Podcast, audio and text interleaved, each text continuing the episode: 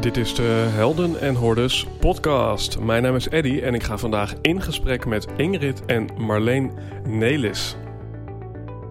In de zomer van 2016 ontdekten we dat we een schakel waren in een netwerk van mensen die wij Conscious Business Founders zijn gaan noemen. Bijzonder gemotiveerde ondernemers die ergens voor durven te staan. Ook als dat inhoudt dat ze daar alleen voor staan. Die 200% toewijding willen geven voor 1% groei en zeggen: Dit ben ik en dit is mijn bijdrage aan een meer gebalanceerde wereld. Helaas kon je niet bij al deze gesprekken aanwezig zijn. Daarom hebben we die bijzondere verhalen voor je samengebracht in deze podcast. We wensen je veel luisterplezier, maar belangrijker nog, we hopen dat jij de volgende stap gaat zetten in jouw avontuur.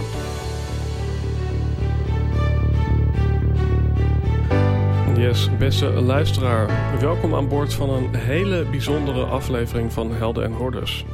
Bijzonder allereerst omdat deze aflevering is opgenomen vanuit het buitenland, vanuit het Belgische Merchten. Het was ooit een doel van mij om afleveringen te maken in het buitenland en dat heeft zich nu voltrokken. Ook bijzonder omdat het de eerste aflevering in tijden is waar twee mensen aan tafel zitten naast ikzelf. En waarom dat zo is, dat hoor je in de podcast. En ook bijzonder omdat Marleen, een van de twee mensen aan tafel, mij een tijd geleden heeft bezocht in Haarlem vanuit België om mij te bedanken en te vertellen dat ze alle afleveringen vanuit België had geluisterd en dat ze in de gasten bij mij aan tafel een ware vriendschap ging ervaren. Nou, en dat raakte mij omdat ik met die reden ook de podcast ooit ben gestart. Omdat ik dacht, hoe zou het zijn om een verjaardagachtige situatie te creëren waarin je mensen kunt ontmoeten, al is het virtueel, waarin je voelt dat je iets in common hebt. Nou, het is ook een bijzondere aflevering omdat deze twee dames tweeling zijn. Ze hebben samen topsport beoefend, ze hebben individueel dingen gedaan. En in het moment dat de opname plaatsvond, was Ingrid ernstig ziek. Dus dat wil ik je eventjes meegeven, omdat dat mij persoonlijk raakt. Ik vind het belangrijk en ook dankbaar dat ik samen met hun zo'n mooi document heb mogen maken. En tegelijkertijd raakt het me ook vanuit mijn hypochondrie. Ik heb het altijd spannend gevonden om in de aanwezigheid te zijn van mensen die ernstig ziek zijn. Nou, er viel van alles van mij af op het moment dat ik Ingrid ontmoette. Want het is een hele warme, lieve persoonlijkheid. En ik heb van haar mogen ervaren dat er echt geen verschil is tussen iemand die ziek is of iemand die niet ziek is. Nou, dat allemaal gezegd hebbende, vind ik het fijn om hun dan ook eventjes officieel te introduceren. Want Ingrid en Marleen Nelis zijn één-eiige tweeling. Ooit deden ze samen op topsportniveau aan powerliften, waarin ze enerzijds diepe verbondenheid voelden tot elkaar, was er aan de andere kant behoefte om te vechten voor hun eigen plek. Hun eigen identiteit en hun tweelingidentiteit, maar ook hun eigen waarheid versus hun gemeenschappelijke waarheid, wisselen elkaar voortdurend af. Beide hebben ze hun hele leven geïnvesteerd in persoonlijke groei, maar er tegenover stond dat ze beide ook grote angsten hebben gekend. Als tweeling hebben ze een gemeenschappelijke waarde ontwikkeld, zoals het belang van gelijkwaardigheid, respect, eerlijkheid en hoop. En het thema hoop kreeg een extra dimensie nadat in 2017 bleek dat Ingrid ongeneeslijk kanker had. Volgens de doktoren zou ze nog twee jaar te leven hebben. Met of zonder elkaar zijn zorgt regelmatig voor ambivalentie, spanning en beknelling en tegelijkertijd voor intense verbinding in deze moeilijke periode. Hoe het is om tweeling te zijn, beide dames beschouwen het als een meerwaarde. Tweelingen beschikken volgens hun over een extra dimensie die eenlingen misschien niet eens kennen. Waar ze ooit samen geboren zijn, dachten ze ook samen te mogen sterven. Ingrid en Marleen zijn er altijd voor elkaar. Ook in moeilijke tijden laten ze elkaar niet los. Hoe ouder de dames worden, hoe meer ze een stukje van de ander weten te ontwikkelen in zichzelf, waardoor ze elkaar vollediger maken, zelfs wanneer ze niet daadwerkelijk samen zijn. Ladies and gentlemen, een bijzondere aflevering, ik heb het al gezegd. Ingrid en Marleen Nelis. Marleen, Ingrid, bijzonder om hier in België te zijn. Het is mijn eerste podcast-opname die ik buiten Nederland doe. Ik heb wel een keer een Belg band van Looy aan tafel gehad. Maar dat was in Nederland. Band was in Nederland, in Amersfoort. Uh, dus ik vind het hier heel, uh, heel bijzonder om hier te zijn. En Marleen, om eventjes bij jou te beginnen en ook voor de luisteraar. Uh, bleek dat jij een fervente luisteraar was van onze Helden en Hordes podcast. En zodoende ontmoeten wij elkaar in Haarlem, in Nederland. En ja, heb je eigenlijk meteen een ontzettend uh, ja, uitgebreid verhaal uh, met mij gedeeld. Uh, en ik hing aan je lippen. Um, waaruit vervolgens ook een samenwerking is gerold... waarin ik jou mag ondersteunen bij jouw ja, bedrijf in wording, je propositie. En kwam al snel naar voren vanuit jou van... Misschien is het ook tijd dat ik mijn eigen verhaal eens een keer ga vastleggen. Dat ik daar een structuur in krijg. Uh, en toen zei ik: uh, Oké, ja, dat, dat lijkt me prima. En toen gaf je aan: Ja, want mijn zus doet dat al wel. En toen viel voor mij het kwartje: uh, Je bent een tweeling. Ingrid is jouw zus. En um, ja, ben ik dus geïntrigeerd geraakt door de dynamiek die jullie misschien samen hebben als, als tweeling. Um, en dat op zichzelf is al volgens mij een hele mooie gelegenheid om hier een opname te maken. Want jullie zijn niet alleen tweeling, maar jullie hebben ook allebei een enorme prestatie geleverd in de sport. Jullie hebben allebei um, ja, ook te maken gehad met nogal wat hordes, als je het hebt over helden en hordes. Onder andere uh, jouw ziekte, Ingrid. En um, ja, misschien is het goed om eventjes uh, te beginnen uh, bij jou, Ingrid. Um, wij kennen elkaar eigenlijk nog niet. Marleen en ik kennen elkaar al een tijd. Maar ik heb via Marleen heel veel over jou gehoord. Dus eventjes, ja... Je mag zelf bepalen waar je begint. Maar uh, wie is Ingrid? Ja, wie is Ingrid? Um, ik ben vandaag een andere Ingrid als ik geweest ben. En morgen ben ik misschien ook een andere Ingrid als ik vandaag geweest ben. Maar ik zou dan zeggen wie ik vandaag ben, eigenlijk. Mm -hmm. um, dus uh, helaas, ik heb in 2017 uh, de diagnose eierstokkanker gekregen. Uh, met de prognose dat ik nog twee jaar te leven had. Dit is nu dus, we zijn twee jaar verder.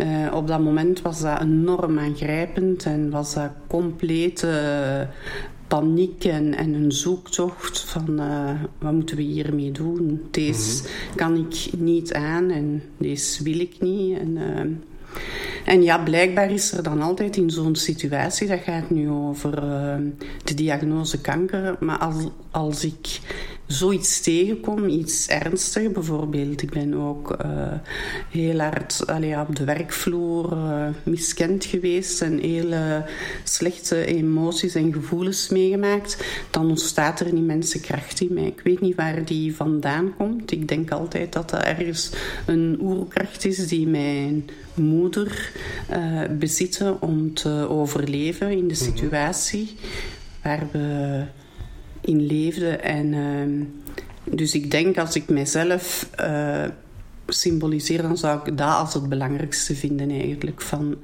uh, in het leven gaan we allemaal vallen en opstaan. Maar van het ogenblik dat ik aan het vallen ben, ben ik al aan het strompelen om recht te staan en mm -hmm. door te gaan.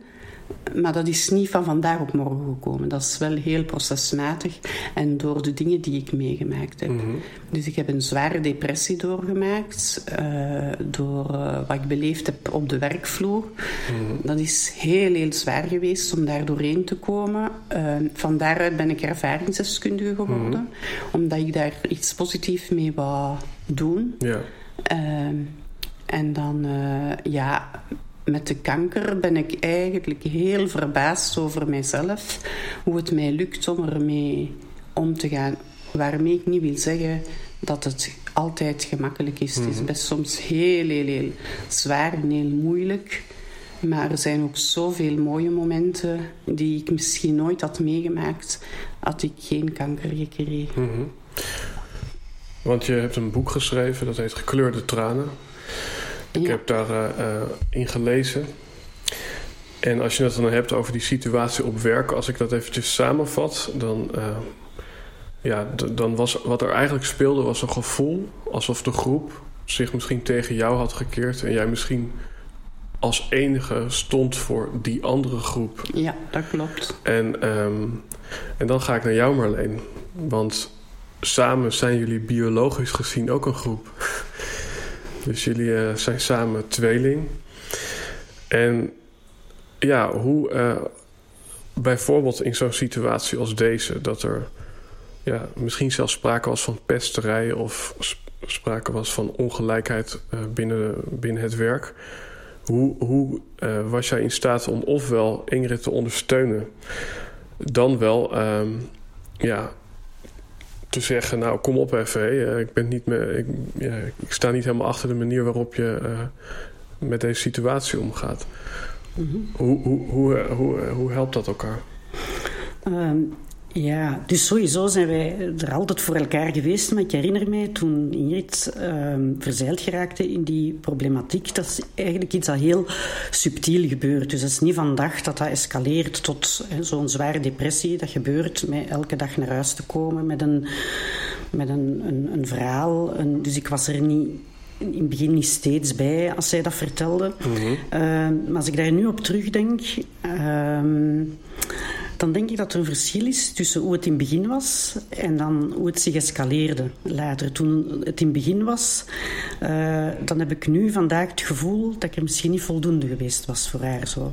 -hmm. En ik denk dat dat wat te maken had, omdat ik inderdaad dat er een verschil is in temperament tussen ons tweeën om om te gaan met problemen. Mm -hmm. uh, dus ik heb dan heel erg de, de neiging om, om, om die pijn niet te gaan vo voelen, maar onmiddellijk achter oplossingen te zoeken. Zo, hè. Dus ja. uh, ik ga mij dan als sterk manifesteren of zien hoe ik daaruit geraak. En uh, soms lukt mij dat.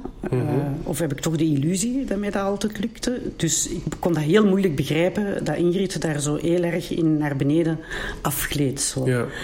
Uh, dus maakte ik toch misschien een beetje de fout door uh, altijd oplossingen te willen aanbieden om die situatie onder controle ja. te krijgen. Natuurlijk, toen we dan zagen dat dat ernstig en ernstig werd, dan kwam er wel een heel diep uh, loyaliteitsgevoel naar boven.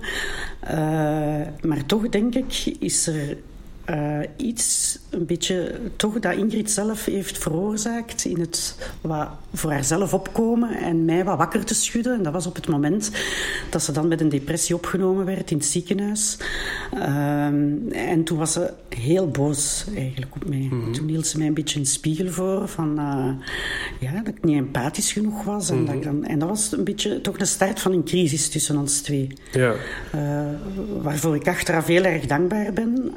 maar dat was heel nieuw. Dat was de eerste keer in ons leven uh, dat we een beetje in de balans tussen uh, Marleen die omhoog springt en Ingrid die dan meer voelt of haar kwetsbaarheid hè, en dan meer naar beneden afglijdt. Uh, dat dat het begin was van het in balans brengen. Maar dat is toch niet gemakkelijk geweest. Hè? Dat is... Mm. Nee, dat is ja, veel weerstanden toch. Hè? En... Ja, want, want nu beschrijf je inderdaad die crisis, maar jullie hebben ook samen bijvoorbeeld een sportverleden. Um, jullie hebben ja, tot op behoorlijk hoog niveau uh, sport beoefend. Ik geloof dat jullie zilver hebben gehaald in Australië. Allebei in een eigen klasse. Maar um, op dat moment kan ik me voorstellen... dan is het jullie twee versus de wereld. Uh, omdat je dan eigenlijk samen voor België uitkomt in zo'n land... en allebei voor ja, het beste resultaat gaat... In, in, in hoeverre is er juist sprake van competitie met elkaar? En in hoeverre is er sprake van uh, ondersteuning en aanvulling tot elkaar? Ja, wij hebben dat goed geregeld. Want uh, wij hebben ons in een verschillende uh, gewichtsklassen laten zetten. Marleen was iets lichter, ik was iets zwaarder. Mm -hmm. Dus daar was zo een, een, verschil van een viertal, vijftal kilogram. En uh, Marleen deed dus in de lagere gewichtsklasse mee en ik in de hogere gewichtsklasse. Zodanig dat we nooit tegen elkaar uitkwamen. Ja. Um, er is, denk ik, naar mijn weten, of Marleen moet dat iets anders herinneren, nooit een wedstrijd geweest waar we in dezelfde gewichtsklasse uitgekomen zijn. nee. Maar ik voel wel dat er uh, dus we waren bijvoorbeeld heel blij als we alle twee, dat gunden we elkaar van harte. Dus dan was er niet de competitie van uh, ik heb een medaille en jij niet. Dus als we konden kiezen, we konden alle twee met zo'n plak naar huis gaan, mm liefst. Maar stel dat we dan toch tegen elkaar moesten, dan gingen we toch wel echt in de competitie. Hè. Dan was er toch wel ook iets, en misschien vooral bij u dan, dat, want je werd toch iets sterker, toch zo. Hè. En dat gaf u toch een Ja, maar toch denk ik, stel dat we alle twee... Een, uh, dat ik een medaille had gewonnen en Marleen niet... Dat, dat de behoefte enorm sterk zou geweest zijn. Allee, dat ze veel minder waarde zou gehad hebben. Mhm. Ik zou ze dan liever aan haar geschonken hebben eigenlijk. zou mij meer gelukkig gemaakt hebben als die medaille voor mij te houden. En ik denk dat daar mijn kwetsbaarheid zit eigenlijk. In de plaats van heel trots die medaille voor mijzelf te houden en te zeggen van kijk, ik heb die verdiend. Dan zou ik uh, ja, eerder gaan direct denken aan de teleurstelling van Marleen en zeggen van mhm. ja, ik ben best niet zo teleurgesteld zonder die medaille. Dus, allee. Ja. Maar ja, zo, zo werkt het niet. Maar allee, uh, als zich zoiets voordeed ik de medaille en zij niet, was dat heel lastig voor mij. Ja. En zorgde dat er ook voor dat jij daardoor misschien beide wel uh, harder gingen presteren? Uh, om in ieder geval te zorgen dat je op elkaars niveau bleef? Ja, ik denk wel dat we elkaar heel erg aanmoedigden om het allerbeste uit onszelf. Ja. Uh, en het moment dat ik gestopt ben, dat was als ik uh, zwanger wou worden van ons eerste kindje. Dan was Marleen helemaal nog niet in de fase dat zij zou stoppen. Maar dat is vanzelf gebeurd. Dat is mhm. uitgedijnd. Ze heeft nog even eventjes doorgedaan. En dan ja, is het gestopt, de topsport. Ja. ja. Het was alsof we het samen moesten doen. Of uh, ja het zou niet gewerkt hebben. Denk ik. Mhm. Maar ik weet ook niet hoe, dat het... Allee, wij, wij weten ook niet hoe dat het anders is natuurlijk. Ja, en uh, dat, is, dat is misschien een, een, interesse die ik heb vanuit uh, ja, uh, ja, het fenomeen tweeling. Maar waren jullie ook in staat, hè, dat hoor je wel eens, om, om elkaar ja, zonder dat je elkaar daadwerkelijk gezien of gesproken hebt, toch al van elkaar te voelen. Bijvoorbeeld uh, dat jij al aanvoelde van nou, hoe de wedstrijd voor Marleen was gegaan. Of andersom. Eh, zijn, zijn daarin de lijntjes korter dan tussen de meeste mensen tussen jullie? Zijn jullie meer op elkaars gevoel afgestemd? Ja, dat denk ik wel ja, er is toch wel een intuïtie zo. Hè. Iets dat je moeilijk kunt... Ja, we kunnen ook een beetje het verschil maken, omdat we nog een broer hebben en twee andere zussen. Uh, ja, het is zo alsof dat er toch altijd een touwtje tussen ons zo gespannen blijft. Niet, dat we, zo, niet van die verhalen als de ene ziek is op afstand, dat de andere dat dan voelt. Mm -hmm. maar zo wel ja, het aanvoelen van bepaalde angsten of onzekerheden, als we dat voelen dat een van beiden uh, daar om welke reden ook ja. uh, wat in zit, uh, dan, dan voelen we dat toch heel erg mhm. bij elkaar. Zo. Dus ja, toch? Ja? Mm -hmm. Mm -hmm. Je gaat iets denken, ja?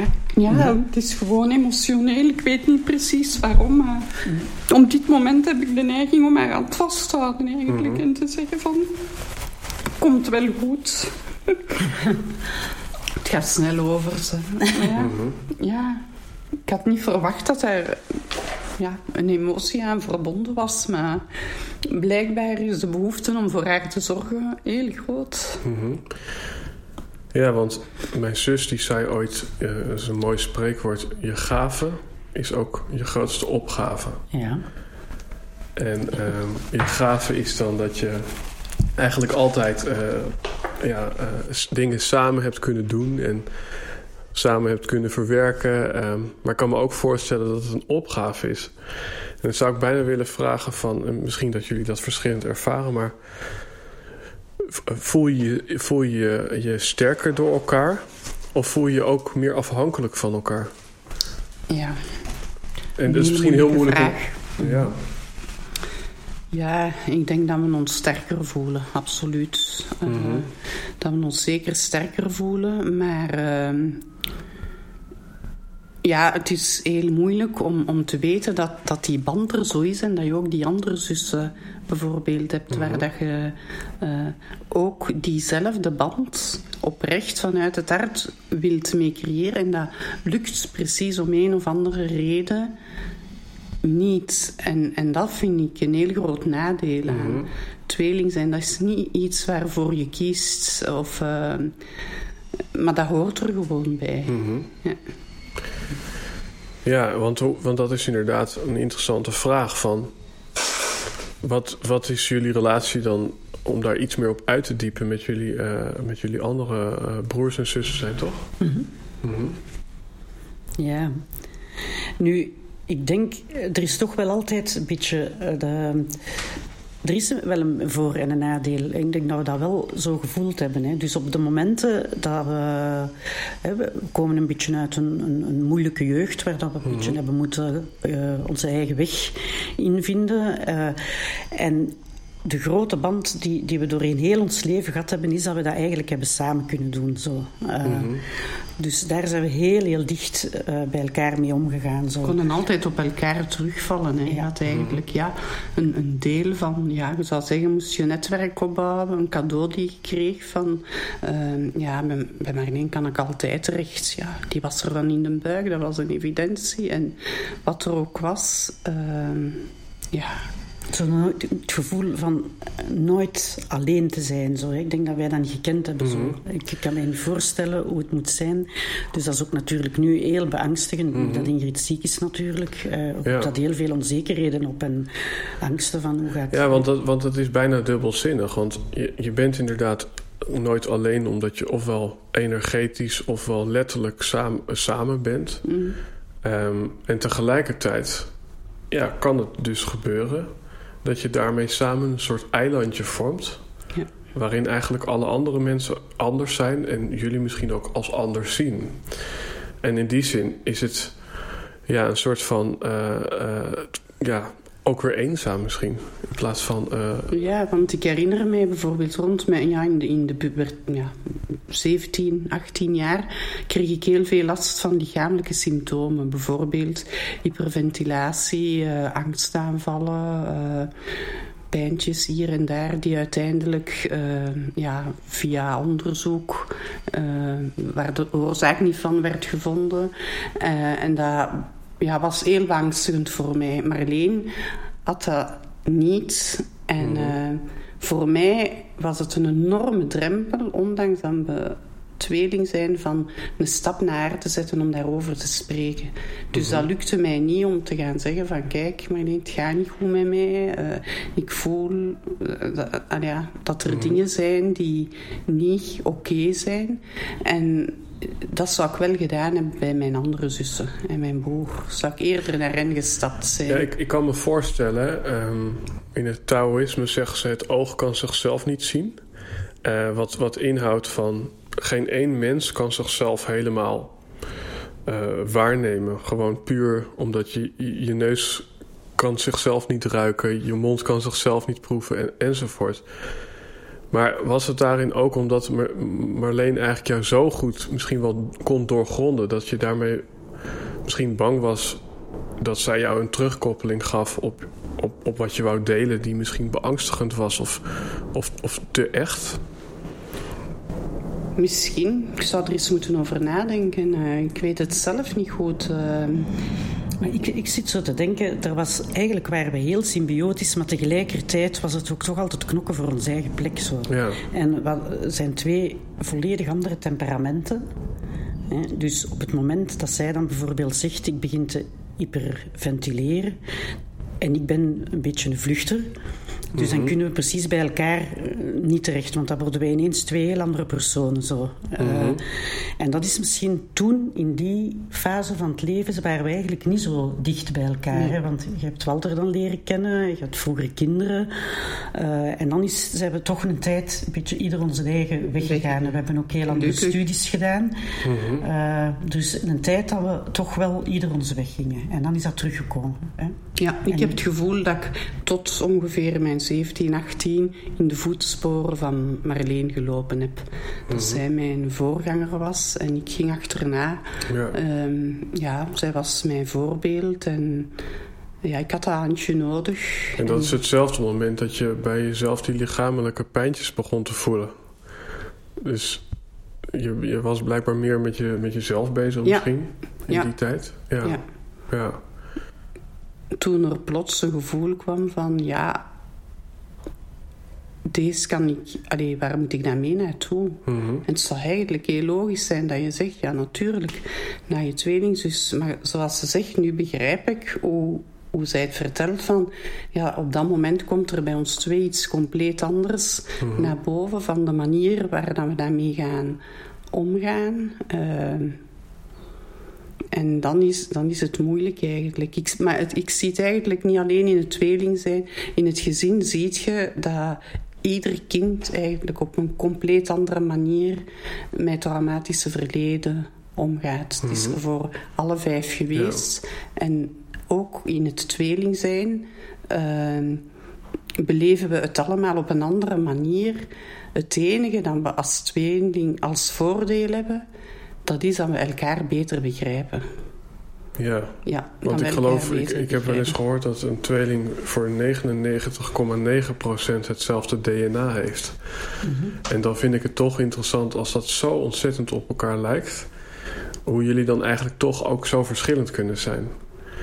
Uh, in, in, in het gedrag, misschien niet in het, in het uiterlijk of in, in het lichaam, maar uh, ja, dat, dat, is op zichzelf wel heel interessant. Maar ik denk dat dat te maken heeft met het feit dat er gigantisch veel mogelijkheden zijn om met dingen om te gaan. En ja, of je nu tweeling bent of niet, je gaat, uh, je gaat een keuze moeten maken. Uh, over welke mogelijkheden je gaat kiezen. En ja, mooi. Ja. Maar ook de, de omgevingsfactoren waren toch ook belangrijk. Bijvoorbeeld, wij waren denk ik nog maar kleuter. Als dat zich al tot uiting kwam, dat Ingrid eerder wat introvert was, ik meer extravert. En we kregen toch heel vroeg al zo uh, dat stigma en een ticket mee. Ik herinner me hè, dat mijn moeder soms zei van uh, een, een, een, slang, hè, dat is een, een, zo, een, serpent of zoiets. Is dat niet de naam van een, een slang? Die zijn altijd mm. weg en, en die kunnen wegliepen en zoeken hun weg zo. En Ingrid, uh, die was dan, dan rustig, of dat durfde ze al eens zeggen, ja, zo trutschen of zo. Dus dat is heel ingrijpend. Maar als kind neemde dat onmiddellijk op en ga je dat stigma eigenlijk al heel vroeg. Ga je er misschien ook in geloven? Ja, en dat is toch heel erg gebeurd. Maar ook het feit dat we dat alle twee nog heel fel. Allee, ik kan niet zeggen dat we daar nog triest of kwaad of boos om zijn, maar dat we zeggen: allee, dat klopte niet. Hè. Mm -hmm. Marleen, het serpent en Ingrid de trut. Maar inderdaad, dat is stigma. Dat is mhm. stigma. En dan ontstaat er uiteraard zelfstigma, natuurlijk. En dat is heel dat is toch veel uh, gebeurd bij ons. Dat, ja. dat, is heel bedreigend, want volgens mij is uh, zelfstigma uh, de meest belemmerende factor van herstel. er, kunt, er kan geen grotere factor zijn, naar mijn mm -hmm. ervaring. Ja. Denk je dan dat je daarin als tweeling meer in een hokje of in een label wordt gestopt dan als je dat niet bent? Dat complementaire. Dat mensen, dat, dat mensen graag helderheid willen over wat is het verschil. En dat ze misschien meer dan normaal bij een kind gaan kijken wat voor typetje is dit. Ja, dat ze zo proberen, hè, want als we klein waren, waren we echt heel identiek. We droegen dezelfde kleren, we waren helemaal hetzelfde. En dan, ja, heel vaak vroegen mensen wie is wie. Dat hebben we zo vaak gehoord. Uh, Wie is nu wie? Uh, en dan hebben ze ook inderdaad verhalen nodig hè, om, om zelf uitleg te geven door iets dat ze gezien hebben van ons of mm samen met ons beleefd hebben. en, en, daarop dan Ingrid een bepaald. Uh, ook door het vergelijken, dat gebeurt niet met andere zussen. In een wordt, wordt er ah, altijd een vergelijking gemaakt. Wie is de slimste, mhm. wie is de traagste, wie slaapt er goed, wie eet er goed. Ja. Uh, het is interessant, want, want je zou bijna kunnen zeggen als een soort, een soort zin van uh, daar waar mensen gelijk zijn, worden de verschillen steeds duidelijker. Want, want jullie zijn op papier dan hetzelfde, maar juist daardoor ga je misschien zelf of je omgeving gaan veel meer kijken wat is nou eigenlijk het verschil. Dat is een soort paradox eigenlijk. Hebben jullie ook, misschien een beetje een grappige vraag, maar hebben jullie het ook wel eens zeg maar misbruikt uh, uh, door jezelf voor te doen als zijnde de ander? Bijvoorbeeld bij een, bij een jongen die je leuk vond of om op school een een of andere proefwerk uh, in ontvangst te nemen? Ja, ik denk ik aan twee het, dingen. Maar ik, ik, denk maar aan één ding dat altijd heel hard bijgebleven is. Maar ik heb het jammer genoeg niet gedurfd. En ik ben eigenlijk nog blij, want ik zou er nog geen goed gevoel bij gehad hebben. Maar uh, wij deden alle twee sportschool. En uh, in het programma zat ook dans. Dat waren eigenlijk volk volksdansen. Dus wij moesten een pakket volksdansen kennen en daar bestond het examen uit. Maar in de periode van het examen had ik een blessure uh, in mijn rug en kon ik niet deelnemen. Dus moest ik dat later gaan inhalen. Uh, maar ik kon die volksdansen niet. Ja. Ik had dan, was een tijd oud geweest en... -hmm. Dat was een gans werk. Ik moest die allemaal gaan instuderen. Ik dacht, Marleen, jezus, ga jij die doen voor mij? Die weet dat nooit. Die weet nooit. Als jij die volksdans en jij kent die perfect. En... Uh, maar ik heb het niet gedurfd. Nee, het heel... nee. Ah, ik dacht dat wij dat dan Maar Marleen die zou dat durven. Marleen die zou direct gedurfd hebben. Die zou meegedaan hebben. Die had direct gesprongen, daar ben ik zeker van. Maar oh, ik denk dat ik uh, een complete, complete hyperventilatieaanval zou gekregen hebben. Ja, en ik denk, weet, herinner je niet, in de muziekschool. Hè? Dus ik heb deze stem, we deden noten leren zo. Hè? Mm -hmm. En dan moesten soms zo alleen zingen in die muziekschool. En ik vond dat vreselijk. Ik, kan, ik zing dus keivals. maar Ingrid, ik kon beter zingen zo. Hè? En dan gingen we altijd naast elkaar zitten en dan deed ik zo mijn hand voor mijn voorhoofd en dan moesten we zo hè, door. En ik zei, zingt jij, zingt jij. En dat deden we wel, hè. En jij zong dan in mijn plaats, hè. En dan, soms denk ik dat ze dat wel hoorden die juf en dat ze zei, hela. Of, maar we deden dat toch vaker. Dan. Ja, zo. maar het is niet echt ja. veel gebeurd. Zo, uh... Nee. Bij jongens ook niet, hè? Of, nee. nee. Maar dat was ja, is, is er wel eens sprake van competitie geweest? Want er, er staat een, ja, een, een, zin achter in het boek. En die raakte mij wel. Er stond van, nou ja, uh, Ingrid, uh, je schreef... als ik er niet meer ben dan zou het zomaar kunnen dat uh, Marleen met Walter, mijn man, uh, doorgaat. Ja, maar dat was een grapje eigenlijk. Echt, dat was de uitgever die vroeg van... Mag ik dat als slot gebruiken? En ik vond het best wel grappig, want ik zeg ook vaak tegen mijn man, tegen Walter, van... Uh, beloof mij echt om goed voor haar te blijven zorgen. Van, mm -hmm. ja, van... Allee, neemt ze op in, in, in het familiegebeuren, nodig daaruit. Uh, allee, blijf heel, heel goed voor haar zorgen. Van, uh, want dat is toch een ongerustheid in mij. Zo, mm -hmm. van, dat is het moeilijkste stuk van het uh, loslaten. Mm -hmm. Ja. En het is bijvoorbeeld ook moeilijk als ik kan die dingen bespreken en, en die zijn mogelijk. Maar bijvoorbeeld op deze moment zou het niet mogelijk zijn van oogcontact hebben. Omdat, ja, dat zou het emotioneel zijn. Zo van, maar ik kan die dingen wel apart met Marleen bespreken en apart mm -hmm. met, uh, met mijn man. Maar ik vind het heel belangrijk, heel belangrijk dat mijn man en mijn kinderen goed zorg voor haar gaan dragen. Mm -hmm. Dat is lief, hè. Dank u wel. Hè. Wel een hele geruststelling. Maar of dat mijn man daarvoor met haar gaat optrekken, dat weet ik nog niet. Dat, ja, dat, dat denk ik. Ik uh... heel goed voor hem zorgen, hè. dat heb ik ook met deze beloofd. Ja. Want hebben jullie dezelfde smaak? En dat kan je heel letterlijk nemen. Bijvoorbeeld, je houdt allebei van sushi. Uh, en dan specifiek van die ene zalmrol, ik noem maar wat. Uh, je kan het ook iets groter trekken van, vallen jullie op dezelfde mannen? Nee. Compleet niet, nee.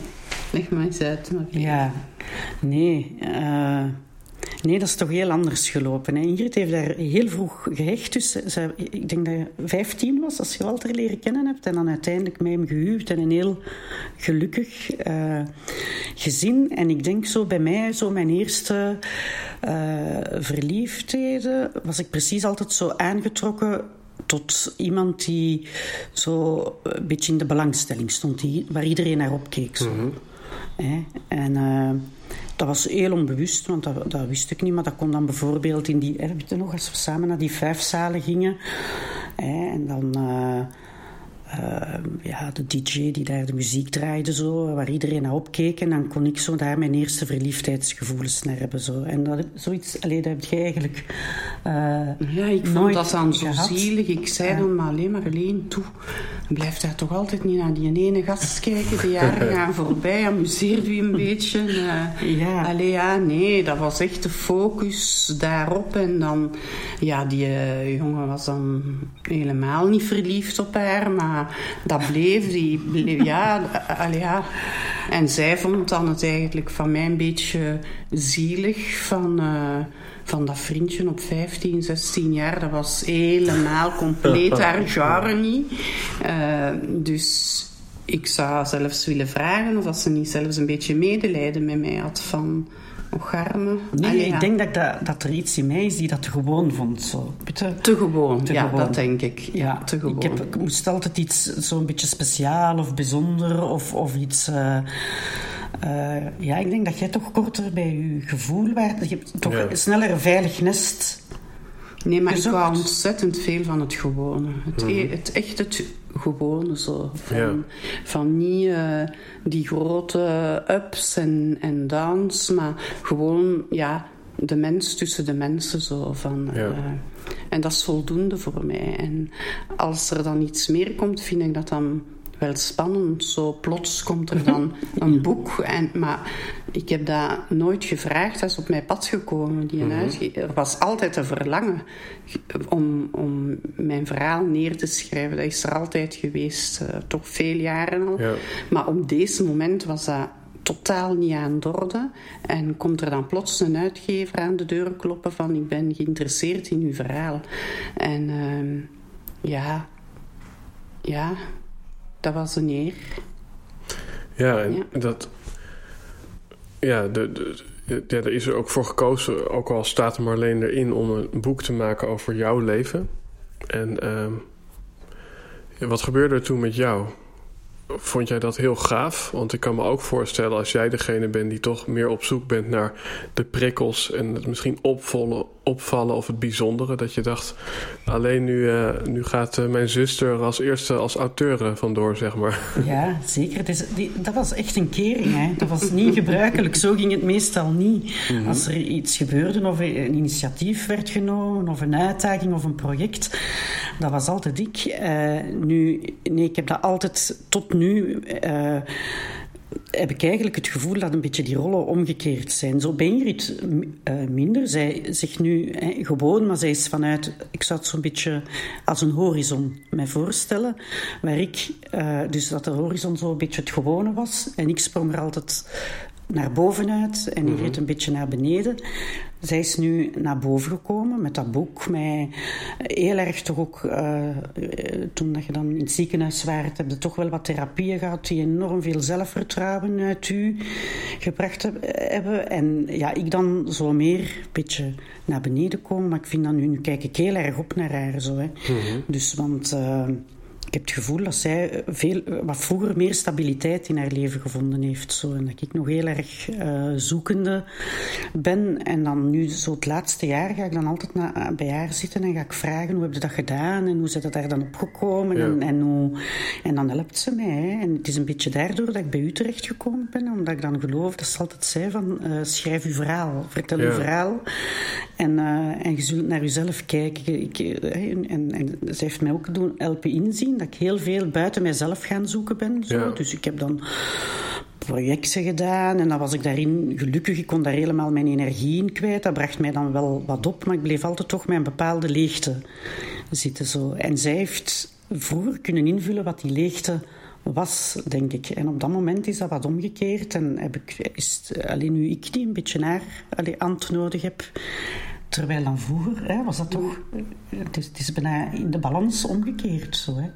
Voor uh, mij is het, heel, is, is het heel korter eigenlijk. Is het, uh, is het een gevoel van gelijkwaardigheid dat nagebleven is. En dat gevoel heb ik vroeger jaren niet gehad. Dan had ik een gevoel van ongelijkwaardigheid. Mm -hmm. wat, wat ik zelf een beetje creëerde. Hè. Want ik, ik deed dat ook in mijn relatie. Uh, van mij eigenlijk heel laag op te stellen. Um, En nu voel ik in, in het leven, in, in alle situaties, gewoon meer een gelijkwaardigheid. Gewoon mensen tussen mensen, ja kankerpatiënt tussen het leven, want het is iets dat in het leven komt. Ja. Het is, uh, ja, um, en dat is een opluchting. Dat is, allee, dat is zeer verlichtend. Een gevoel van gelijkwaardigheid mm -hmm. uh, is zeer verlichtend. En ik, en ik denk dat het, dat is dat mij eigenlijk keihard gebroken heeft op de werkvloer van die ongelijkwaardigheid te voelen. Dat, was, dat is eigenlijk bijna ondraaglijk.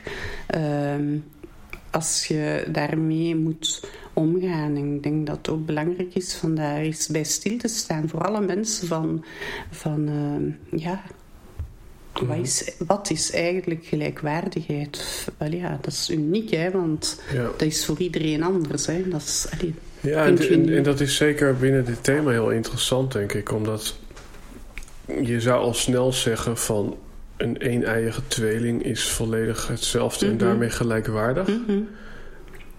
Maar ja, misschien omdat ook het DNA toch weer een klein beetje anders is, is het allemaal toch weer net anders. En er zijn natuurlijk, het gaat inderdaad om van hoe kijk je ernaar? Van, van, van Ja. wat is gelijkwaardigheid? Ja, Gelijkwaardigheid, dat zou ook kunnen betekenen dat jullie samen één taal spreken. Een taal die niemand anders begrijpt. Ja. Hebben jullie een soort eh, geheimtaal met elkaar? ja, Ja, ja, ja, Absoluut. dat wel, hè. dat is, ja. Dat is eigenlijk, denk ik, wat mijn andere zussen voelen. Wat, allee, zo zou ik het eerder omschrijven. Niet van, jullie zijn niet zo belangrijk voor mij, Marleen is belangrijker voor mij. Maar eerder van, wij hebben een, een taal, ja, onze Maar taal. Een beetje een eigen... Ik weet niet of het juiste woord is, maar zo'n eigen missie of een visie van hoe we in het leven willen staan. Zo, hè? De manier waarop dat we de waarden waarmee dat we ons kinderen hebben opgevoed, de, de manier waarop dat we met, met strubbelingen omgaan, dat we moeten hindernissen nemen. Ehm, dus wij, wij, wij zoeken dan hulp en we gaan en we Ja. trekken. Ja, da- daarin zijn we dan wel weer een heel stuk Ja, en dan gaan we overleggen eigenlijk. Bijna tot een consensus komen van oké, eh, allee, ja. En dan als dat gevoel er is van oké, dan is het... eh, Mhm. dan is het goed. Eh, dus dat is het grote voordeel, vind ik, aan tweeling zijn. Dat is een, ja, een cadeau die je krijgt. Ja, het is toch ook zo, wat- zo voel ik het wel. Hè, van, stel dat Ingrid er niet meer zou zijn, dan is er toch iemand weg waarvan dat je weet dat ik altijd bij terecht kon. Zo. Mhm. Weet je?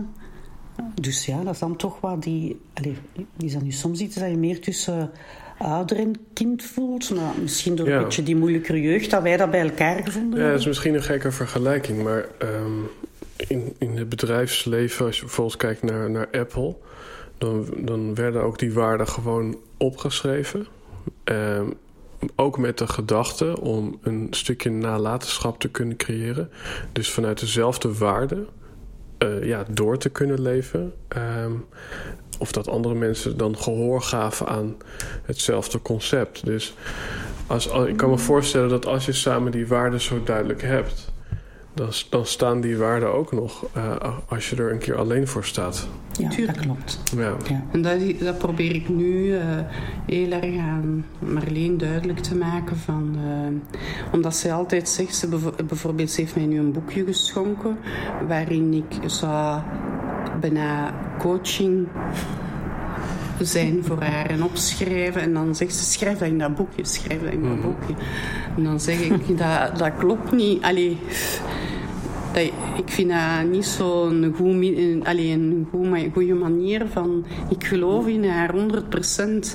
Daar hoeft geen boekje te zijn. Zij kan haar ontplooien in alles. Zij is een verstandige vrouw. Zij heeft ambitie. Zij heeft ongelooflijk veel dingen opgebouwd in haar leven. Ehm, eh, ja, dus er is zo, zo, zo veel om mee verder te gaan. Dat ik denk van ja, dat is het leven. En eh, natuurlijk, ik moet het niet meemaken. Ik kan het mij niet voorstellen. Ik kan het mij niet voorstellen dat het omgekeerd zou zijn. Van Marleen wordt ziek en, ehm, en ja, is palliatieve kankerpatiënt. Van, eh, dan vind ik dat zij dat eigenlijk toch wel echt heel, heel goed doet. En waardoor dat ze mij toch een stuk eh, gerust stelt. Ja. Mhm. Ja. Ja. Want, want zou, zou het ook andersom kunnen? Zou het ook kunnen dat er een situatie is waarin jij Marleen een boekje geeft? Uh, uh, of nee, waarin Marleen zeg maar citeert wat jij in jouw boekje moet zetten? Dat is moeilijker, denk ik. Ja, dat is moeilijker. Dat voelt eerder uh, ja, bedreigend aan, omdat ik dan denk van ja, ga ik dan terug niet een achterloper worden zo. Allee, dat is eigenlijk bijna een beleving die komt van... Uh, gaat zij dan niet het voortouw nemen en ik erachter? Ben ik nu niet op het moment gekomen dat ik klaar ben om, uh, allee, om het zelf te doen? En, en ja, wat kan zij voor mij... In, allee, ja, als we het dan hebben in de richting van coaching bijna... Mm.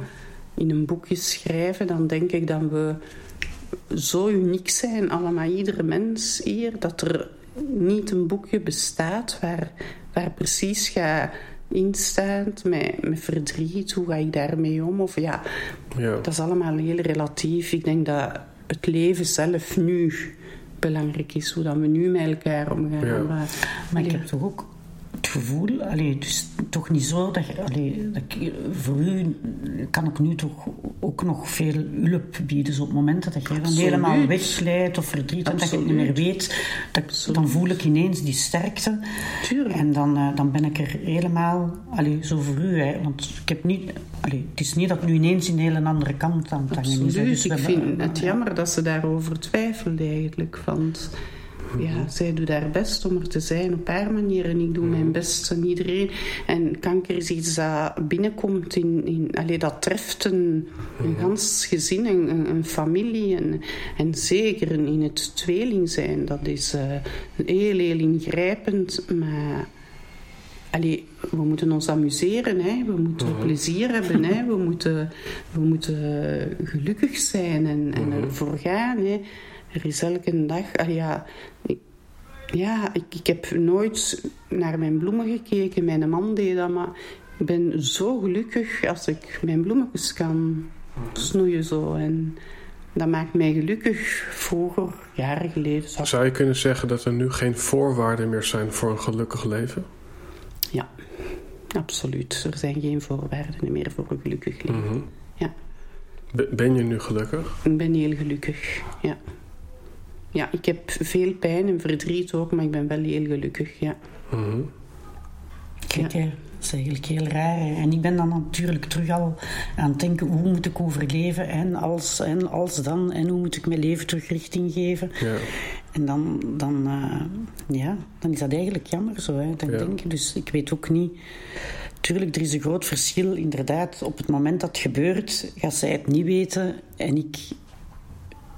Ik wel, maar ik probeer dat toch ook een beetje los te laten. In het begin was het moeilijker. Waren we daar heel erg mee bezig. Ja, nu hebben we dat wel losgelaten. Want uiteindelijk uh, doet Ingrid het zo goed... Dat, dat, dat we nog denken dat hier nog best wel nog een hele tijd kan, kan duren. Ja, dat, dat is een stuk van mijn proces dat voorbij is. En dat is geplaatst.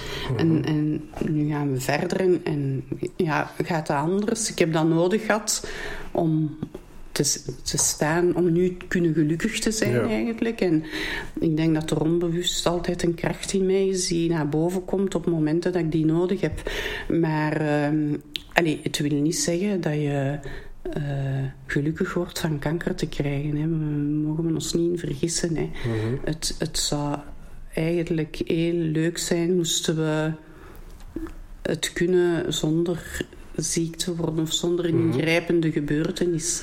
Want dat kan. We Nou kunnen ja, dat ik, ik herinner me. Steve Jobs, die zei eh, in het Engels, eh, zei hij, eh, death is life's change agent. Dus het is eigenlijk, ja, ehm, ja bijna een opgelegde ja, verandering, een andere manier van kijken. Ja.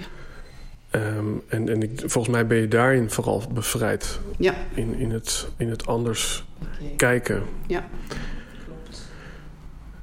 Ik wil nog één klein stapje terug. Jullie hebben eh, het gehad over eh, de gemeenschappelijke waarden die jullie samen delen. En dan geef jij aan van, nou ja, ik was misschien een beetje het, het trutje of zo werd ik dan genoemd. En ik, eh, ik heb ook nooit heel veel ups en downs en, avontuur nodig had. Ik, ik, ik wou gewoon lekker een rustig, uh, fijn leven leiden. Um, en jij had dat dan misschien wat meer. En toch heb je er op een gegeven moment voor gekozen uh, om tot aan het beschadigen van je rugwervel aan toe uh, topsport te leveren.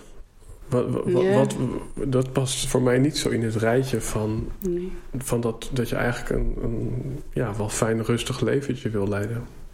Ja, maar ik denk. Uh, ik, ik had nooit die topsport gedaan had ik, had ik Marleen niet gehad. Marleen was sportief. En uh, allee, ja, ik, ik was. Ja, niks eigenlijk. Ja, laat ons zeggen. Ik was ook sportief omdat ik Marleen was. Snap je? Mm -hmm. Dus ik ging gewoon sporten omdat Marleen ging sporten. Maar zij vond de sport op zich heel fijn om te doen.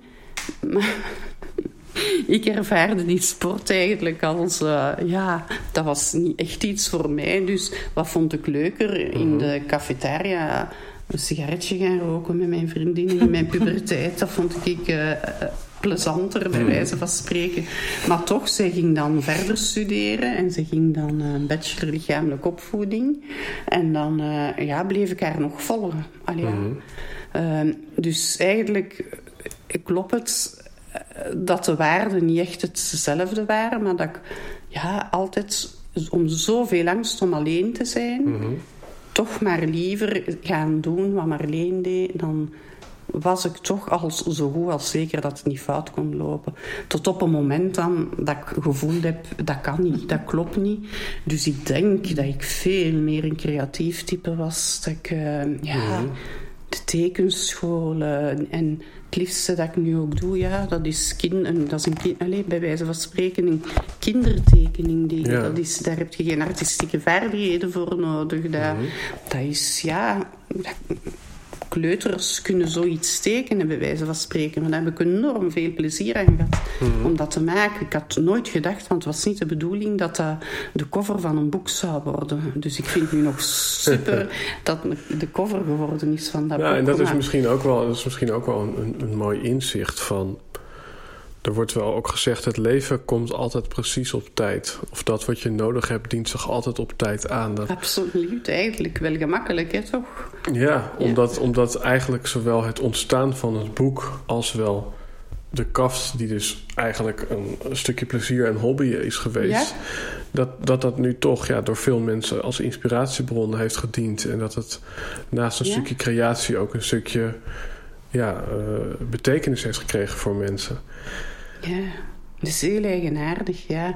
Dat je denkt, want uh, op zich is dat niet het doel geweest, ook niet van het boek. Dat is nooit het doel geweest van te zeggen van ik ga iets creëren voor mensen. Het is gewoon mm -hmm. uh, ja, een verlangen van mijn eigen verhaal in een boek te zetten ja. om, om het een plaats te geven. Gewoon, Allee, het is geplaatst in een ja. boek wat ik graag wou plaatsen. En andere mensen gaan dat misschien doen. Compleet andere dingen. Het is zo mooi als je rond u kijkt hoeveel mensen beschikken over uh, vaardigheden die ze zelf verloren zijn door, ja, door de stress in het leven, door de gewoonte, door mm-hmm. de roes waar we in leven eigenlijk, de gewoonte.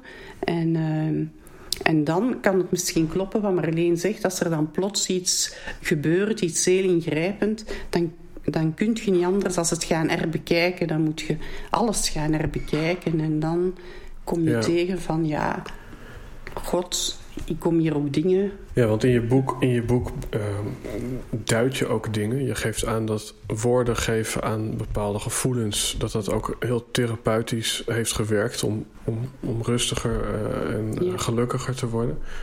Zo staat er bijvoorbeeld ook in het boek um, dat, ja, dat, je, dat er eigenlijk al een angst was om, om, om, om misschien zelfs wel te sterven of, of angst om uh, alleen te zijn al in de baarmoeder omdat jullie samen één eiig uh, uh, in de baarmoeder ooit hebben gezeten. Mm -hmm. is, is dat. Ik kan me voorstellen dat. Uh, het klinkt aanvankelijk ook heel logisch. Ik kan me er heel veel bij voorstellen van, nou ja, zit je daar dan samen in, weet je.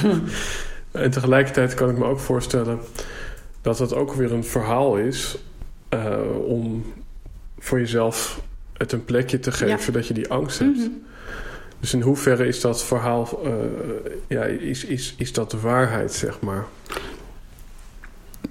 Ja, dat moet wetenschappelijk onderzocht worden. Hè. Wil je daar de waarheid over weten? Maar ik kan mij echt voorstellen van bijvoorbeeld als je gans ons verhaal ziet, hè, heel het levensverhaal, ehm, dat er zoiets is van ja, uh, waarom komt de ene vroeger uit de baarmoeder als de andere? Is dat mhm. toeval?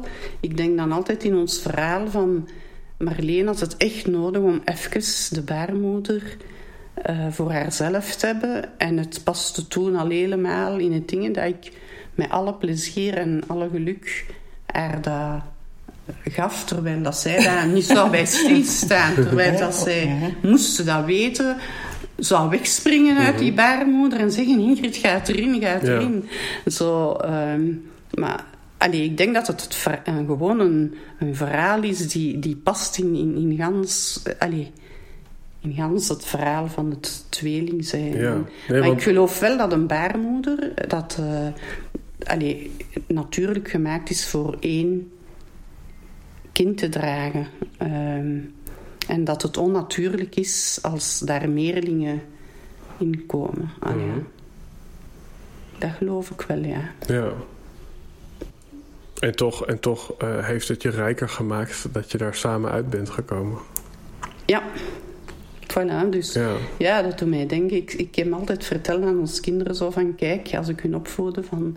Als ze al klein waren... Het leven is zo'n medaille. En kinderen, de mooiste medaille. Maar ze heeft altijd de voorkant en mhm. de achterkant. En de ene kant, dat is eigenlijk de hele leuke dingen die we ervaren. Bijvoorbeeld winnen of, of alles, plezierbeleving en uh, een leuk rapport halen. Al die dingen die leuk zijn. Maar de andere kant is wat je daarvoor moet doen. En dan moet je daar soms hard voor werken. En, uh, maar als je dan hard werkt, dat, dan ja, is het misschien moeilijk, maar de meerwaarde is dat je dan aan de andere kant van die medaille kei mhm. mooie dingen. En dan heb ik met een tijd geleerd, er zijn twee manieren van lijden. Je kan lijden om een, uh, waar dat er een meerwaarde uitkomt, maar je kan ook lijden waar er geen meerwaarde uitkomt. En ik heb veel, veel te lang uh, blijven hangen in het stuk lijden Vooral door wat er gebeurd is op de werkvloer. Daar ben ik niet meer uitgereikt. Daar ben ik uh, in vastgankerd geweest. En dat is heel gevaarlijk, denk ik, ook voor de gezondheid. Het is mhm. niet erg als je dingen meemaakt en die bewegen en die blijven turbulent. Ja. Is dat oké, maar als iets zich gaat uh, vastzetten, dat je gaat leven aan de ene kant van de medaille of de andere kant, en je gaat daar niet meer los van kunnen, dan is het echt niet oké. Ja, en ik denk dat dat ook een hele belangrijke les is die ik eruit haal. En daarmee misschien ook wel voor de luisteraar. Dat het is volgens mij helemaal niet erg om ofwel emotioneel te zijn, ofwel heel gelukkig, ofwel heel ambitieus, ofwel te denken, nou zo wat, ik blijf vandaag alleen maar op de bank zitten. Maar volgens mij is de les, ja, waar we het misschien eerder ook over hebben gehad, dat je er niet te lang in blijft hangen, uh, maar dat je probeert ja, zo snel mogelijk het te ventileren en het leven weer op te pakken. En dan ben ik zo fier op Marleen, ongelooflijk. De manier waarop dat zij allee, toont. Um, we gaan daar nu misschien niet dieper op ingaan, want dat is niet de bedoeling van het gesprek. Maar ze heeft toch hele zware dingen achter de rug en op haar weg, waarvan dat je denkt van, ja, wie raakt daar eigenlijk nog, nog over? over allee, ja, hè, ze, en uh, ja, dan denk ik van chapeau dat ze dat kan, want dat is niet zo evident. Ik heb, ik heb het niet gekund. Ik heb het, uh, ja, dus op dag vlak is zij ja. ja. dan weer een stuk sterker, denk ik. Ja, maar hoewel dat ik nu zo zit te denken, hè, dus ja, ik zit, het is allemaal heel heftig en heel zwaar. Hè. Eh, op het moment dat Ingrid uh, ziek geworden is, uh, ben ik ook geconfronteerd onverwachts met een uh, echtscheiding waar ik echt totaal niet tussenuit kon. Dat kwam samen, dus dat zijn toch twee heftige dingen. En tegelijkertijd, dus uh, de drie kinderen waar ik toch heel, heel erg aan gehecht was aan mijn dochters, die ouder werden en zo'n beetje het lege nest syndroom. Hè, dus wat dat mhm. toch ook al niet niks is voor een, een goede zorgende mama. Die dingen kwamen samen. Dus het is op dit moment van mijn leven best heel moeilijk. Uh, maar dan denk ik, moet ik toch wel heel erg opletten met die valkuil. Uh, dus ik heb nu ook tegelijkertijd nood aan andere dingen. Dus is alles op een rij gezet, zo in die crisis geraakt. Al mijn verdedigingsmechanismen aan diggelen. En dan heel diep existentieel gaan, gaan uh, in een leegte eigenlijk gezeten. Nog niet lang, een jaar, een anderhalf jaar. Van wat ga ik nu verder doen? Uh, dus en dan voel ik dat ik nu eigenlijk mijn leven wel een heel andere richting ga geven. Maar tegelijkertijd is toch die valkuil daar om mij al snel altijd in een project te willen gooien om die pijn niet te voelen. Zo. Dus ik mhm. moet dat heel erg bewaken, want dat is een, een, een automatisme, dat is een, een, patroon dat zich heel erg in mij heeft. Maar ik ben er om eens te pakken, hè. pak ze terug. ja, en ik heb die ook, hè. ik heb u ook, hè. die trekt mij dan wel terug. Als ik direct de grote sprongen wil maken of zo. wat, wat ik me ook afvraag, hè, eh, er zijn natuurlijk veel meer mensen die zijn geen tweeling op papier. En waarschijnlijk... Uh, nou ja, op een aflevering met Noeska Pak, dat is een uh, meisje die ook tweeling is, die ik in de podcast heb gehad, zijn er eigenlijk uh, ja, meer mensen geen tweeling. Maar toch zijn we allemaal geïntrigeerd door de tweeling en, en wat het ons kan brengen.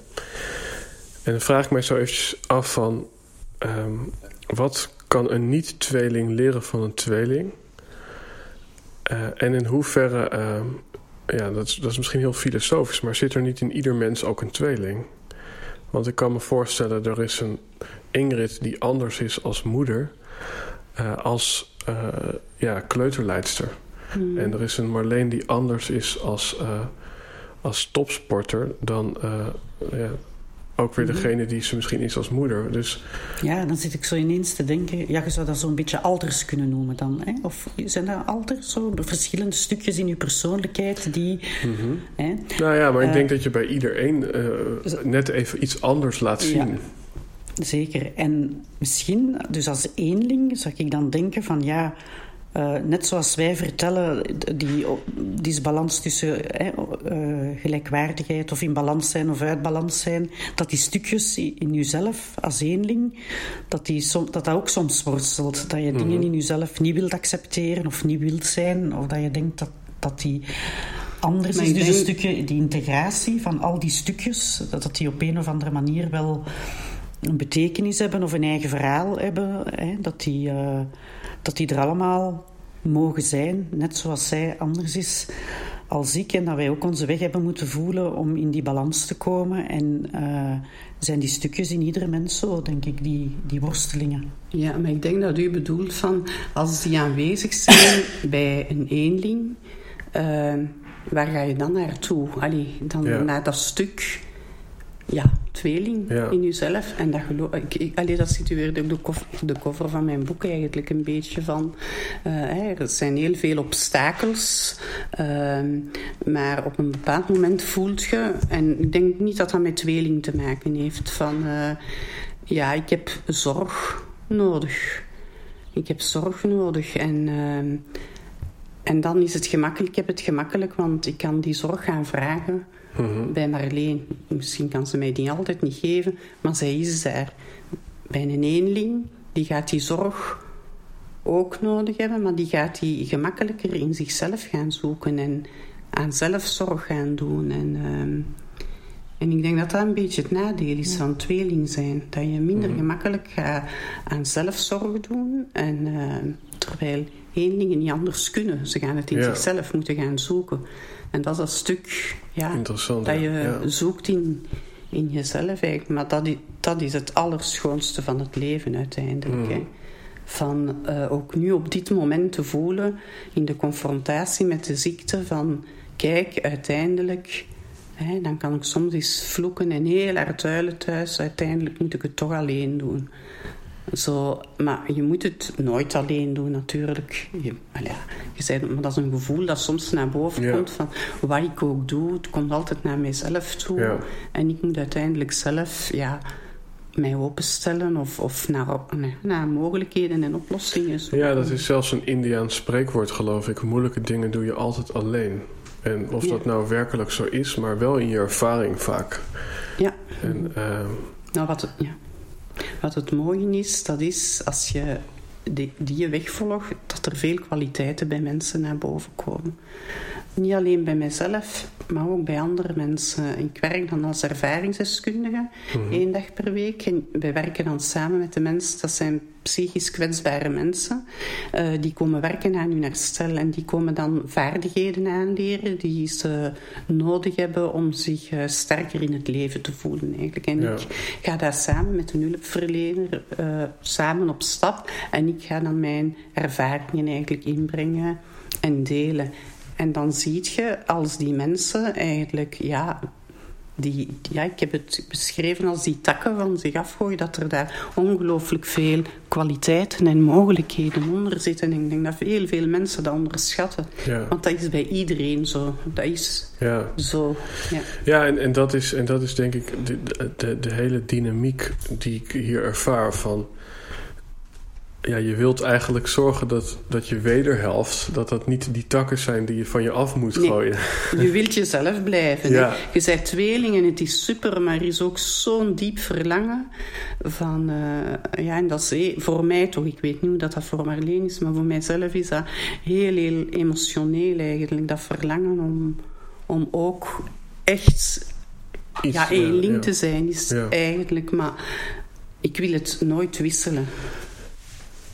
En ik denk ook dat het, het gras is altijd groener aan, de, aan de overkant. Maar toen zei laatst tegen, uh, iemand tegen mij... Uh, dat is waarschijnlijk omdat het aan de overkant kunstgras is. Ja, ja, voilà, kijk. Ja. Ja.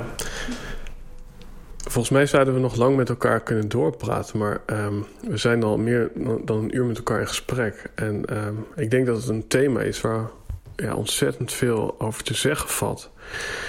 En ja, ik, ik zou wel eh, afsluitend jullie willen vragen om de krachten te bundelen. Zou ik bijna willen zeggen. Om te kijken van wat zouden jullie de luisteraar willen meegeven. Die misschien ook ja, angsten kent, obstakels kent. Misschien conflict heeft met meerdere kanten van zichzelf. Of misschien gewoon een levensles van uh, ja, voor iedereen die, die misschien wel meer geluk in het leven wil ervaren. Ja, ik zou zeker al zeggen van blijf altijd in jezelf geloven. Altijd. Want ieder mens is de moeite waard. Altijd. En uh, als je in jezelf uh, gaat geloven, dan opent je de weg naar meer eigenlijk. En dan is de volgende stap, een heel belangrijke stap is, wat heb ik zelf nodig? Wat heb ik nodig om kwaliteitsvol te leven? En dat is iets helemaal anders dan uw buur, dan uw tweelingzus. En van dat eigenlijk in de picture te gaan zetten en in die noden uh, uzelf te gaan verzorgen. En dat kan bijvoorbeeld zijn door u tussendoor een boeketje bloemen te gunnen of uh, tijd te nemen of stil te staan bij dingen. Uh, maar vooral te gaan kijken wat zijn mijn noden. Niet wat zijn de noden van de anderen, waar ik moet aan voldoen mhm. om een goed mens te zijn. Want dat is iets dat we heel vaak doen. Maar het juist gaan omkeren en zeggen van ja, wat heb ik zelf nodig, los van de anderen. En van dan in verbinding te gaan om uw doel te bereiken eigenlijk. Want het is niet dat je dan op een eilandje gaat zijn en zeggen van kijk, nu heb ik, ik weet mijn, allez, ik ken mijn noden en nu ga ik ze alleen invullen. Nee, vanaf dat moment ontdek je dat je andere mensen nodig hebt. En dat is het moment van in verbinding te gaan. En dat is moeilijk. Ja. Maar heel mooi. Ja. Ja. Toch begrijpelijk een beetje, hè? dat ik zo stil word en zo naar Ingrid kan luisteren als ik dat vertel. Ze vertelt dat toch allemaal heel mooi. Hè? Toch? Nou ja, ik, de wisselwerking is gewoon heel interessant. Uh, waarin eigenlijk jij uh, ja, op, op jongere leeftijd eigenlijk de sport ging beoefenen... omdat je eigenlijk Marleen achterna ging. En op latere leeftijd dat Marleen zei van... ik heb hier een boekje, wil jij me alsjeblieft... wil jij mij leiden, wil jij mij adviezen geven? Dat, ja, dat, dat, ik denk dat jullie uh, van elkaar... maar misschien ook wel ieder mens in zichzelf stukken heeft van ja, waarin die, die leider is en voorop loopt. En dat je ook allemaal misschien een stuk hebt waarin je geleid wilt worden. En toe moet geven, ik kom er niet alleen uit. En ik heb hulp nodig. Ja, absoluut. En wat ik ook heel mooi vind is dat... Ze noemen dat in relaties het verschil tussen opvulling en aanvulling. Dat op het moment dat je elkaars adviezen vraagt of hulp vraagt vanuit een stukje opvulling, omdat je zelf heel veel leegte ervaart, dan is dat ja, wat minder sierlijk dan dat je het vraagt vanuit een stukje aanvulling. Dus vanuit de gedachte, ik ben zelf eigenlijk al goed, maar ik zou jouw hulp uh, uh, kunnen gebruiken om, om nog sterker of beter of gelukkiger te worden. Mm -hmm. En, en daar, dat is volgens mij waar jullie nu zeg maar staan in, in, jullie, uh, mm. in jullie leven. Dat jullie elkaar volgens mij vooral helpen om, om elkaar te inspireren in het leven in plaats van om elkaar maar het hoeft niet altijd in probleemsituaties te zijn. Hè. Het kan ook zijn, uh, ja, ik zou eerder mensen gaan aanmoedigen. Begin er onmiddellijk mee. Hè, van, uh, allez, heb oog voor anderen ook. Van, en zij zullen oog hebben voor u. En vaak gaan we het omdraaien. Dan zeggen we van ja, uh, ze vergeten mij of ze zien mij niet meer. Maar allez, ga naar hen toe en ze zullen ook... Allez, dat is iets daarop eigenlijk. Ja. Ik denk wat, ze, wat ze nu vertelt, Ingrid, is eigenlijk het stuk kwetsbaar durven zijn. En ik voel wel dat dat voor mij veel, veel moeilijker is om, om, om kwetsbaar te zijn bij, bij mensen en te zeggen ik kan het niet en mij te laten leiden en steunen door iemand anders. Zo. En dat heeft zij ja, wel ja, ik wil nog heel graag iets, iets heel belangrijk eigenlijk voor mezelf zeggen van... Uh, ik had niet zoveel vrienden en dat is misschien omdat ik een beetje raar ben, denk ik, of zo. Ik weet het niet. Maar ik had niet zoveel ja, vrienden. En ik hoor heel veel lotgenoten, kankerpatiënten, vertellen um, van ja, mijn goede vrienden, die ik altijd gehad heb, hebben mij in de steek gelaten van het ogenblik uh, dat ik kanker kreeg. En ik vind dat heel raar, want ik heb dat niet gehad bij een paar mensen in de familie. Maar voor de rest heb ik eigenlijk heel veel vrienden bijgekregen. Die, die groeiden, die groeiden, die groeiden. En ik vraag mij eigenlijk af hoe dat, dat komt. En de enige reden is omdat ze de moeite waard zijn voor mij. Omdat het allemaal mensen zijn. En uh, ja, je gaat het taboe doorbreken bijvoorbeeld. Ik spreek over uh, mijn kanker, hoe moeilijk dat, dat ook is. Van, uh, ja, soms durf ik echt zeggen als iemand mij tegen uh, vraagt: Ingrid, hoe gaat het op deze moment met u? Dan kan dat soms goed zijn, maar soms kan dat een moment zijn dat ik zeg: van kijk, ik wil niet sterven, ik wil gewoon hier blijven, ik wil geen afscheid nemen, ik wil nog lang leven en ik wil mijn kinderen niet loslaten. En, en het blijkt dat de, de manier van in verbinding gaan met andere mensen, dat dat ja, aanstekelijk is, waardoor ze zich ook op een of andere manier verbonden voelen en waar dat heel mooie en heel diepe en intense uh, contacten door ontstaan. En uh, ja, mijn dankbaarheid is zo groot, ik kan dat niet omschrijven, maar daar haal ik mijn kracht uit. Dat is mijn krachtbron. Ja. Daar ga ik in rommelen als het moeilijk wordt. En er is mhm. dan wel altijd iets of iemand, ook Marleen. Maar naast Marleen is er dan ook nog zoveel meer. En ik denk dat dat mag, denk ik. Hè, dat mij, ja. nou ja, en ik, ik hoor Marleen ook net zeggen van... Ik, uh, ja, ik vind het toch wel moeilijk om, om, om daarin mijn kwetsbaarheid te laten zien. Maar goed, hè, laten we eerlijk zijn. Je zit hier achter een microfoon. Uh, in bijzijn van zowel je zus als twee heren uit Nederland. om hier toch ja, uh, te delen en, en, en, en de waarheid uh, op tafel te leggen. En, en dat siert jullie, dat siert jullie allebei. Dus jullie hebben mij daarin ook geïnspireerd. Want zoals misschien de luisteraar weet, heb ik wel eens aangegeven hypochonder te zijn. Dus dat geeft aan, ik ben bang voor ziektes. En dat gaat al een stuk beter. Maar ja, daar zit een stukje lading op voor mij. En nou ja, goed, we zijn hier in gesprek. En ik zou jou ook willen teruggeven wat Marleen ook zei van... voor mij is dat stukje beeldvorming rondom ziek zijn... is ook wel een stuk milder geworden doordat wij mhm. elkaar hier nu zien. omdat ik eigenlijk merk van er is gewoon helemaal geen verschil tussen ons. Nee, compleet niet. Nee. Klopt. Nee. Dus uh, dat heeft mij uh, ook verrijkt. Dus ik, uh, ik wil jullie beiden hartelijk danken voor jullie aanwezigheid. Voor een volgens mij een bijzonder gesprek.